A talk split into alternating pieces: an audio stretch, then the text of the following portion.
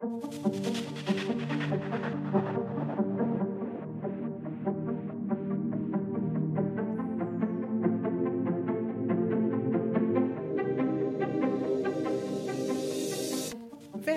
till Professorpodden. Här möter du några av de nyaste professorerna på Högskolan Väst. Jag som leder samtalet heter Anna Hallberg. I dagens samtal kommer syster Britta, Zimbabwe och tsunamikatastrofen vara viktiga. Och det kommer kretsa kring tröst, lidande och hälsa. Välkommen Åsa Roxberg, professor i vårdvetenskap.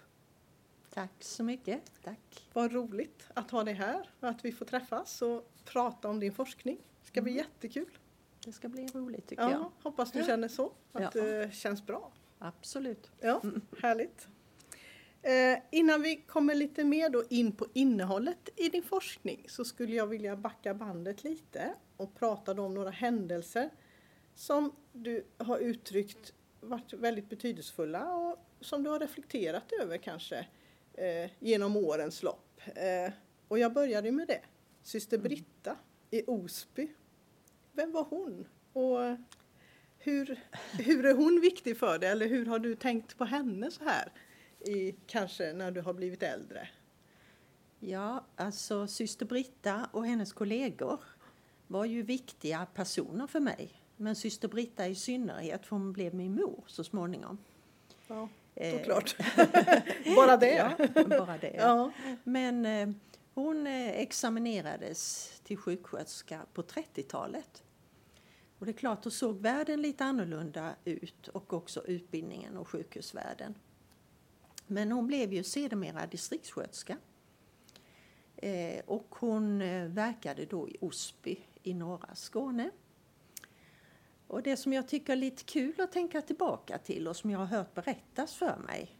Eh, I, när, när, man var distriktssköterska i Osby så arbetade man också på landsbygden. Alltså inte bara i tätbygden. Och där fanns då vad man kallade original. Och det var oftast äldre ensamstående herrar som bodde kvar på den gård som de hade brukat under livet. Och det fanns ju inte så mycket moderniteter, eh, rinnande vatten och, och sådana saker. Eh, och att bära tunga, eh, vad de nu, spanna använde de ju när de skulle bada och tvätta sig och, och, och hålla på att bära in dem och värma vatten och så. Det hade ju med tiden blivit lite jobbigt för dem när de blev äldre i synnerhet. Så varför bada? Men då kom distriktssköterskorna. Och i Nightingales anda så såg de det som sin uppgift att verka för ren närmiljö och det betyder ren gubbe. Och I den processen så ingick fotvård. Och då noterade jag ett fynd som ledde till vad jag kallar en forskningsfråga. Mm. Hur lång kan egentligen en stortånagel bli?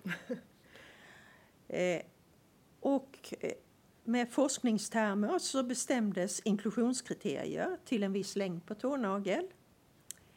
Eh, och genom ett systematiskt sökande så samlades tånaglar in och slutsatser drogs. Generaliserbarhet diskuterades också och det konstaterades att ett större datamaterial av tånaglar krävdes för att uppnå god re reliabilitet, alltså pålitlighet. Men hade jag där och då frågat distriktssköterskorna om de genomförde en forskningsbaserat utvecklingsarbete så hade de faktiskt bara skrattat åt mig. Forskning? Nej, det håller de lärde i Lund på med. Vi sysslar inte med det, för vi är kliniskt verksamma sjuksköterskor.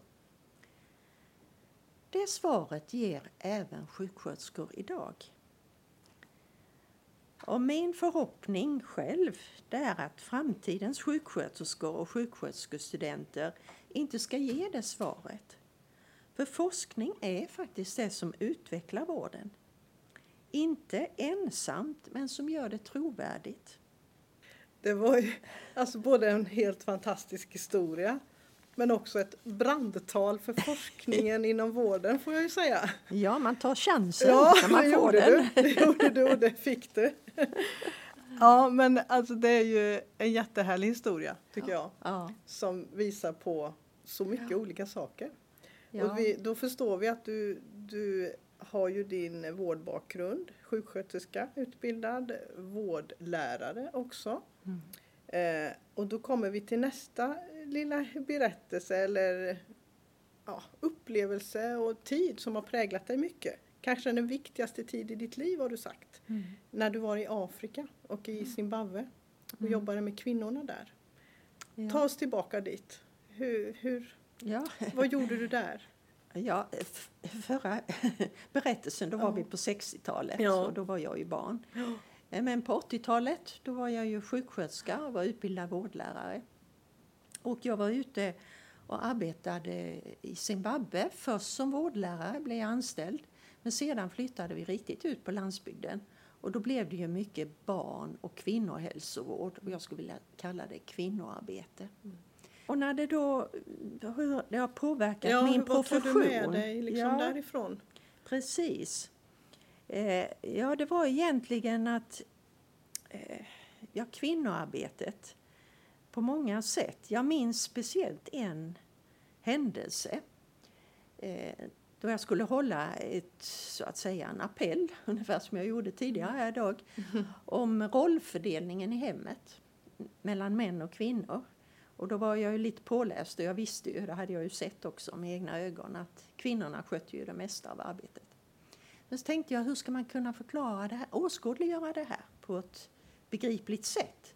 Så jag tog en apelsin och gav den till en kvinna, och en kniv också, och sa skär ut så mycket som männen gör i hemmet. Och hemmet då, då var det också jordbruket. Och hon skar den minsta, minsta lilla slice, lilla klyfta som hon bara kunde. Och sen utbröt ett stort jubel. Och det där det har ju fastnat naturligtvis. Ja. Eh, det här orättvisorna ja. som fanns och hur man, eh, ja, hur man reagerade, hur man uttryckte sin ilska och sin mm. frustration.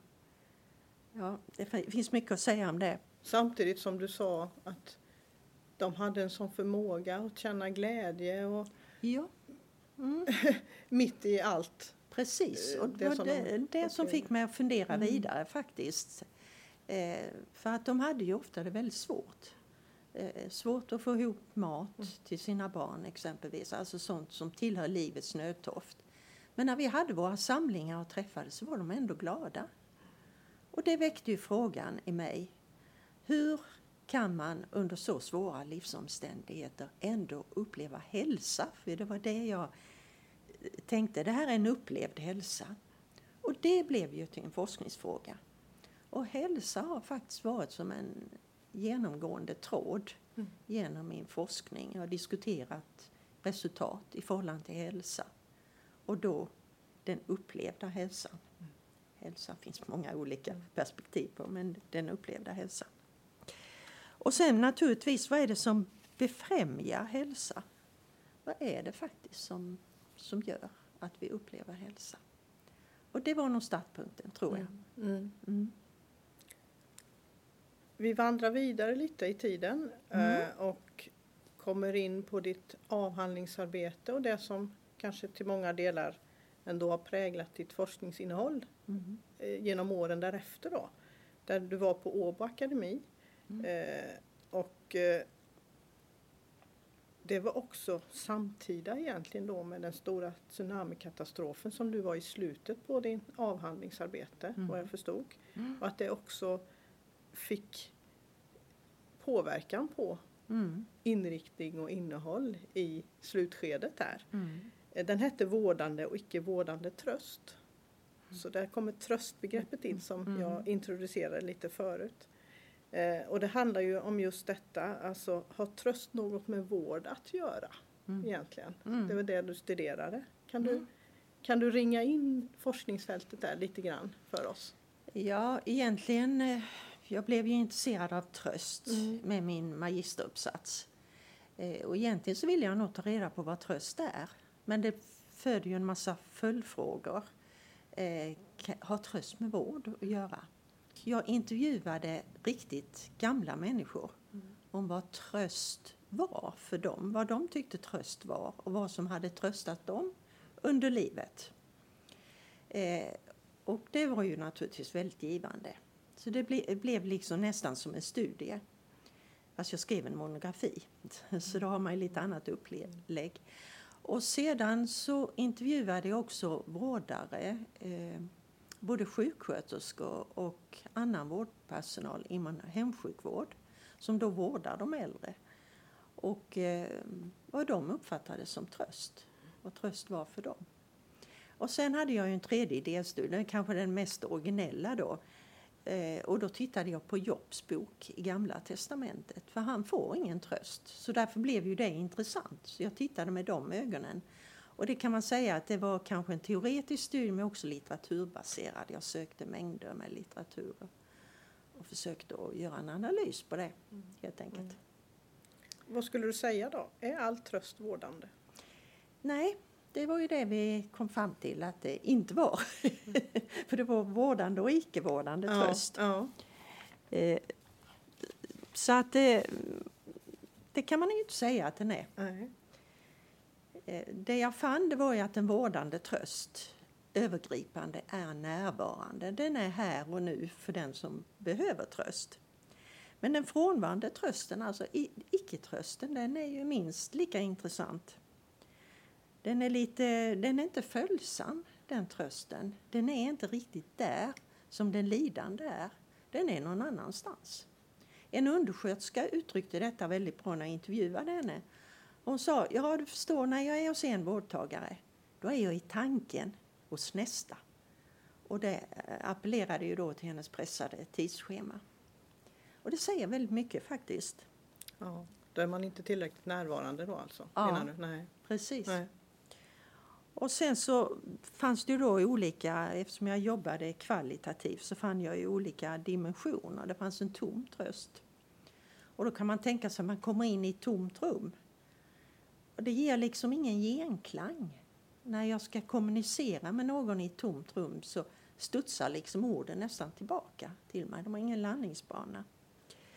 Eh, så det, det blir ju som, nästan som en kurragömma-lek mellan, om det nu är en patient, mellan vårdaren och patienten. Man gömmer sig för och man gömmer sig från någon. Mm. Och så fanns det, jag tar bara lite mm, exempel ja, det, är jättebra. jättebra. det finns en överskylande tröst och den har jag nästan nämnt redan, den är upptagen av sig själv. Eh, och eh, den kan förminska lidandet, till exempel som man tröstar ett barn ibland men när man funderar, jag funderar då på begreppet tröst och eh, så undrar man, kan man lära sig att trösta? Nej, det, det är en svår Eller fråga. Är, för, man, för man tänker lite så som en lekman i alla fall, att, ja. alltså, att det är så ganska mänskligt eh, relaterat, att säga att jag mm. kanske är en bra tröstare av mig själv på något sätt, om jag har den förmågan. Eller kan man lära sig och det här att är det självupplevt så är man kanske en bättre tröstare, tänker man som lekman. Att mm. har jag varit med i samma situation då, då har jag en, liksom en annan kan man tänka så?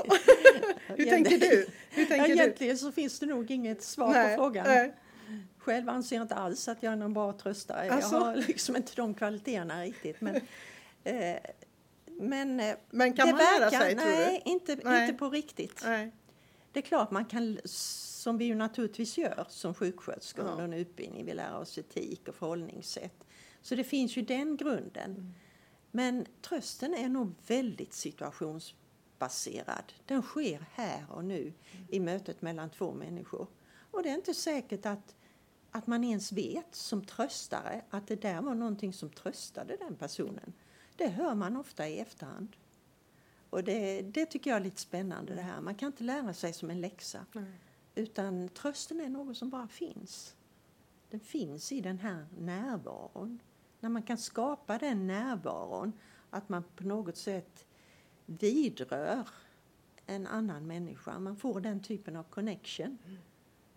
Då tror jag att alla förutsättningar finns mm. för en vårdande tröst.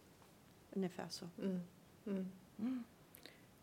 Jag vill också höra lite det här med tsunamin som vi var inne på. Ja, alltså hur, just det. Hur, ja, precis. Du, du, du, upplevde ju den då, så att säga, eh, inte, alltså inte själv, inte så, men alltså du bevittnade det här hemska som hade hänt just när du var i ditt avhandlingsarbete och ja. möttes av alla de här människorna som då behövde tröst och som ja. hade ett väldigt lidande. Hur, ja, hur?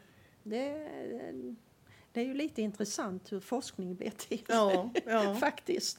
För då var jag ju jultid 2004, det var ju då den eh, stora tsunamikatastrofen inträffade i Sydostasien.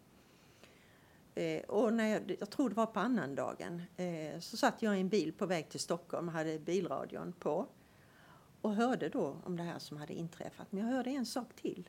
Jag hörde att tröst aldrig hade nämnts så ofta som det gjorde då. Tröst är ju inget som vi rör oss dagligdags med, men då. Och så tänkte jag, yes, här har vi det. Det här vill jag forska vidare om. Och det blev då ett projekt som hette In the mist of the unthinkable, alltså i det otänkbara mitt. Mm. Och eh, det handlade då om människor. Syftet var ju då att undersöka hur man upplevde lidande, vad som lindrade lidande under tsunamin. Mm. Och när man hade mist någon nära anhörig också. Det var liksom det som var inklusionskriterierna. Mm.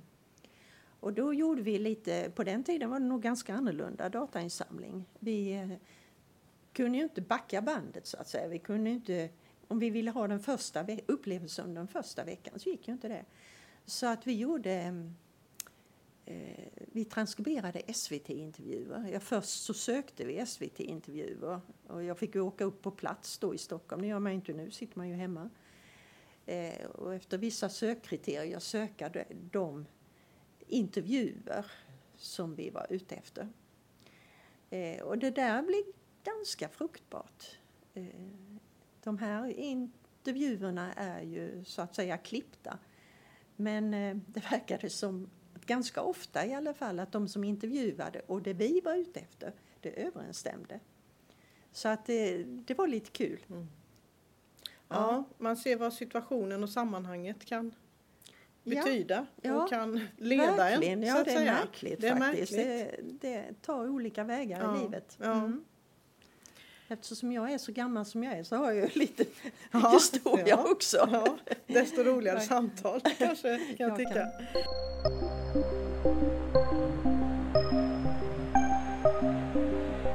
Jag tänker bara sticka in lite kort med några eh, bakom forskargärningen Åsa. Vem är hon? Några korta frågor bara där jag ber dig avsluta meningarna Åsa. Mm. Jag får energi av att Eh, jogga lätt. Eh, nere vid havsbandet i Onsala. Otroligt vackert. Jag njuter av havet. Havet det ja. finns i mig faktiskt. Ja. ja. Det kan jag, förstå. Att det, att det ger energi. Jag, jag, jag landade där i, i sinnet direkt när du sa så. Mm. Om jag inte forskade, skulle jag Ja, jag har ju en annan hobby också. Det kanske inte har med icke-forskningen att göra, men, men fritidssysselsättning det är ja. att gå på eh, second hand och rota i såna här lådor och hitta något väldigt oväntat. Aha. Det kanske är lite, man söker det oväntade. Mm, mm. viss nyfikenhet tror jag finns. Ja, ja. Och outlet, det är kul. Ja. Jag tycker faktiskt om att sy också. Aha. Ja, det, jag vet inte när det började men jag sydde ju en hel del i Afrika. Uh -huh. Både till mina uh -huh. flickor men också i de här kvinnokurserna. Så, mm. så sydde vi barnkläder och gjorde enkla mönster och så. Det har jag haft nytta av. Mm. Och det tycker jag är väldigt rogivande, mm. avkopplande. Mm. Så det skulle jag mm. nog gjort mer. Ja. jag gör Sömmerska kanske? jag vet inte. jag blir riktigt glad när jag blir riktigt glad ganska ofta. Mm, det låter så, som att du är en glad person. jag blir glad eh, när jag har lagat något riktigt god mat. Det tycker jag på senare år har jag, tycker jag det har varit väldigt roligt att utveckla lite av det här med matlagandet. Mm. mm. Äta en god måltid och träffa goda vänner och så. Mm. mm. Var vi inne på att du är en glad person, men om dina kollegor skulle beskriva dig, vad skulle de säga då tror du? Oj, nu har de inte träffat mig så ofta. När vi kommer här uppe i korridorerna, åh oh, vad länge sedan är det jag hör hela tiden. Men någon, några, några kollegor som du har jobbat tätt med? Vad är, de, vad är det, det främsta de skulle säga tror du? Ja, jag vet Nej. knappt. Nej. Glad kanske. kanske Energifull, glad. ja, en viss energi, ja. intensitet tror jag har. Mm. Ja. Härligt. Ja. Eh, vi landar tillbaka i forskningen igen. Mm. En liten stund till. Ja. Eh, om något som du fastnat för lite mer på senare tid. Ja. Det handlar om det rumsliga i mm. vårdsammanhanget. Mm. Rummet som eh, hur det är i ett rum och mm. hur det kan vara väldigt olika. Ja. Jag vet du har bland annat undervisar du i kurser inom palliativ vård mm. där du använder det här äh, begreppsorienteringen kan man säga. Precis. Vad, vad handlar det om? Ja, för det första så utgår det ju från en artikel som vi publicerade 2015 och där vi använde en tidigare doktorand, Karina Harstedes material, alltså datamaterial. Så vi jobbade, vi la en teori på den och då fann vi att ja, men det här fanns ju en rumslighet i detta. Och till exempelvis så fann vi Bens rum som är ett kontrollrum. Ben är då närstående till hans fru i livets slut. Och Ben han hanterar på något sätt sitt lidande genom att ha kontroll över allting och kontroll över världen och så. Och det är ett sätt. Mm. Eh, sen finns det exempelvis Sams rum, vi har gett det namn då som du förstår. Man gömmer sig från varandra. Och Sam, jag nästan så jag skulle vilja citera faktiskt. Eh, hon kommer att bli ledsen om jag är ledsen så istället gömmer vi oss bakom den här muren. Och sorgen kan inte nå oss. Ja. Det säger ganska mycket. Mm. Mm. Och Annas rum, som jag tror är ett väldigt sunt, hälsosamt rum. För hon drar sig tillbaka när den här situationen blir för krävande. Så att eh, det är som en anhalt kan man säga för henne. Och när jag säger det rumsliga så är det precis som du och jag, vi sitter här i ett rum och jag sa när jag kom in här och tittade mig, oj, det här är ju precis som min sanning. Alltså jag fick en känsla av tv-studio över det här. Och det är det rumsliga, alltså ett rum skapar en stämning. Mm. Och, och, vi får en relation till rummet och till varandra. Eh, så på så sätt kan man ju säga att rummet är det centrum där vi uttrycker oss själva. För i rummet är vi ju alltid. Antingen vi sover eller vaknar. Mm. Så. Mm. Och det tycker jag är jättespännande. Spännande. Ja, Verkligen. jätte, jättespännande. Bara avslutningsvis så förstår jag ju att, eller jag läser i alla fall av dig som så att du, du ändå brinner för att bidra till att minska människors lidande på något sätt. Mm. Att det är det som är navet och det som det kretsar mycket kring. Kan, kan du instämma i det? Tror jo, det kan jag absolut mm. instämma i. För det är klart att det måste ju, där måste ju man forskningen har ju någon drivkraft. Liksom, ja. Något som oh, gör ja. att man håller på. Ja. Och både trösten och lidandet och hälsa då som jag ofta drar det till. Det, är ju, det handlar ju om att vara människa. Och de livsbetingelser som vi lever under. Och vad kan göra, vad kan göra dem bättre? Mm. Och vad är ett gott liv och vad är hälsa? Det är ju relevant för oss alla. Mm. Antingen vi nu är sjuka eller inte ser oss som sjuka kanske. Ja. Men i alla situationer egentligen oavsett. Ja, att absolut. man resonerar ja. kring det med sig själv. Ja. Vad ger mig hälsa? Ja, och trösten tycker jag nog mm. faktiskt personligen är lite relevant. Det var en av de äldre multihandikappade damerna som sa ja, tröst är, det är något som sätter sig på en nästan som ett frimärke. Det klibbar liksom fast. Mm. Och då tänker jag utifrån det, det här gäller ju oss alla. Mm. Alltså man kan förmedla något sådant på ett positivt sätt. Så att det sätter sig på en människa och de kan kanske leva ett stycke till eller mm. uppleva en bättre livskvalitet, uppleva hälsa. Så har man ju gjort en enorm insats. Så det vill jag ju ge vidare till mina studenter. Absolut. Mm. Mm. Det var väl en äh, lämplig avslutning också tycker jag. Tusen tack för din medverkan. Tack så jättemycket. Tack. Och tack till er som har lyssnat. Och tack till Mikael Wåleman för tekniken. Då säger vi tack och hej. Hej då.